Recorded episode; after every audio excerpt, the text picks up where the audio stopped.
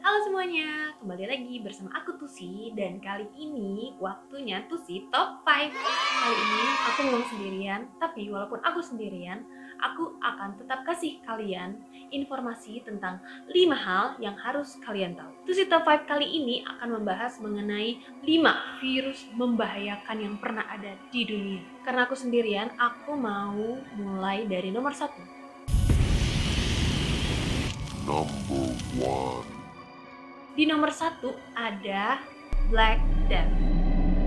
Virus Black Death ini muncul pada pertengahan hingga akhir abad 14. Nah, virus ini berawal dari pes atau infeksi bakteri Yersinia pestis. Infeksi virus ini berasal dari kutu tikus, kutu yang hinggap di tikus dan membuat tikus mati dalam 10 sampai 14 hari. Setelah tikus ini mati, kutu ini hinggap di tubuh manusia yang menyebabkan manusia ini tertular virus yang sama dan menyebabkan kematian. Nah, akhirnya Akhirnya penyebaran ini mewabah dan menyebabkan 50 juta orang mati di Eropa dan juga menyebabkan 75 juta orang mati di daerah Asia sampai ke Timur Tengah. Dan pada abad 20, penyakit ini memasuki Indonesia yaitu Kota Malang. Namun karena saat itu Indonesia masih di bawah penjajahan Belanda, pemerintahan Belanda ini melakukan penanganan seperti para prajurit menutup akses tikus yang ada ada di rumah rakyat-rakyat Indonesia. Lalu kalau misalkan mereka menemukan bangkai tikus, bangkai tersebut dibawa ke laboratorium dan diteliti. Selain tikus, lalat dan manusia juga bisa menyebarkan penyakit ini. Jadi makin banyak dan makin cepat penyebaran penyakit ini di dunia. Nah, kematian dari penyakit Black Death ini diprediksi sekitar 75 juta sampai 200 juta orang yang tersebar di Asia, Eropa, dan Afrika Utara yang puncaknya ini terjadi pada tahun 1347 sampai 1351.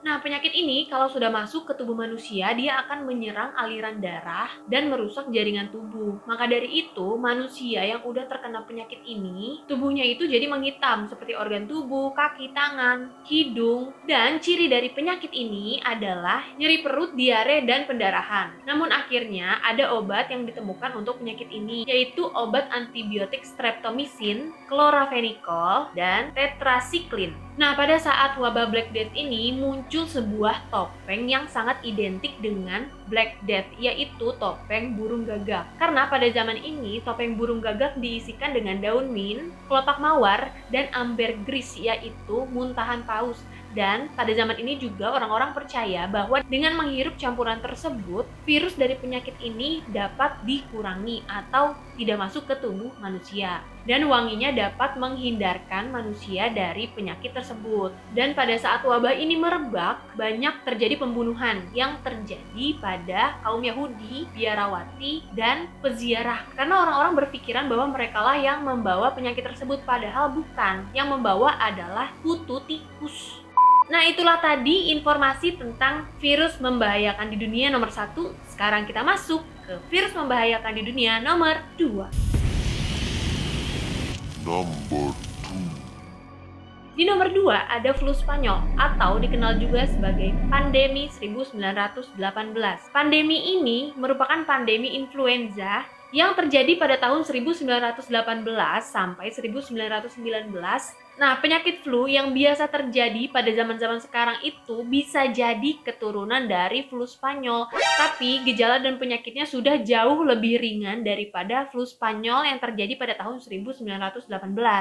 Nah, laporan pertama mengenai penyakit influenza ini berasal dari Fort Riley yang berada di Kansas, Amerika Serikat. Jadi, penyakit ini itu muncul pada masa Perang Dunia Pertama. Para prajurit ini berkemah di parit. Nah, paritnya itu kotor, dan lembab yang menyebabkan penyakit tersebut muncul di antara prajurit-prajurit. Gejala penyakit yang dirasakan oleh para prajurit ini yaitu seperti influenza pada zaman sekarang juga, seperti demam, sakit kepala, dan nyeri sendi. Nah, sedangkan orang-orang yang meninggal karena penyakit ini gejalanya lebih berat, yaitu paru-paru mereka terendam air. Nah, karena penyakit ini adalah penyakit influenza, jadi virus ini mudah tersebar di seluruh dunia. Apalagi saat para prajurit ini dikirim ke negara-negara untuk perang. Jadi mereka mudah sekali untuk menyebarkan virus influenza tersebut. Nah, korban meninggal akibat dari infeksi flu Spanyol ini sampai dengan 60% populasi dunia. Nah, 60% populasi dunia pada saat itu sama dengan kurang lebih 1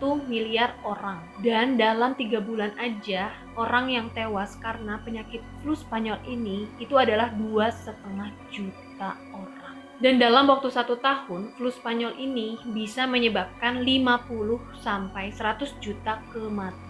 Di Afrika, flu Spanyol ini disebut dengan flu tiga hari karena mereka yang terkena virus ini hanya bertahan selama tiga hari. Nah, ada perbedaan dari flu Spanyol dan juga coronavirus yang sekarang lagi mewabah. Kalau coronavirus ini kan menyerangnya itu kebanyakan populasi orang yang sudah tua atau umurnya itu di atas 50 tahun. Nah, kalau flu Spanyol ini menyerang orang-orang yang umurnya masih muda dan uniknya lagi yang diserang adalah orang-orang yang sehat bukan orang-orang yang mempunyai riwayat penyakit kayak coronavirus. Dan pada saat itu penanganan untuk flu Spanyol ini adalah dengan menyuntikkan serum darah dari orang-orang yang telah sembuh dari penyakit flu Spanyol.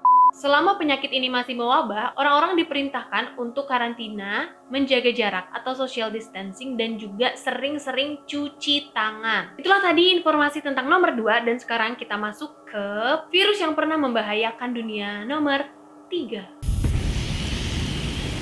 Number three.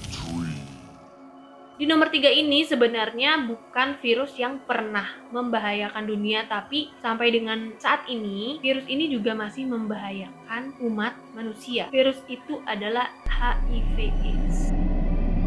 HIV merupakan singkatan dari Human Immunodeficiency Virus yaitu virus yang merusak sistem kekebalan tubuh dengan menginfeksi dan menghancurkan sel CD4. Semakin banyak sel CD4 yang dihancurkan, maka kekebalan tubuh akan semakin lemah sehingga tubuh rentan diserang oleh berbagai penyakit. Nah, virus ini diduga berasal dari Kongo ketika virus ditularkan oleh simpanse pada tahun 1920. Jadi orang-orang ini memburu simpanse dan mereka memakan daging simpanse tersebut. Nah, daging simpanse yang sudah dimakan inilah yang akhirnya berkontak dengan darah manusia yang ada di dalam tubuh mereka dan menimbulkan virus HIV tersebut. Dan setelah itu, virus ini perlahan mulai menyebar ke Afrika dan berlanjut ke berbagai belahan dunia. Sampai pada tahun 1970, ada penelitian yang menyebutkan bahwa virus ini masuk ke New York, Amerika Serikat dari Haiti. Walaupun pada tahun 1980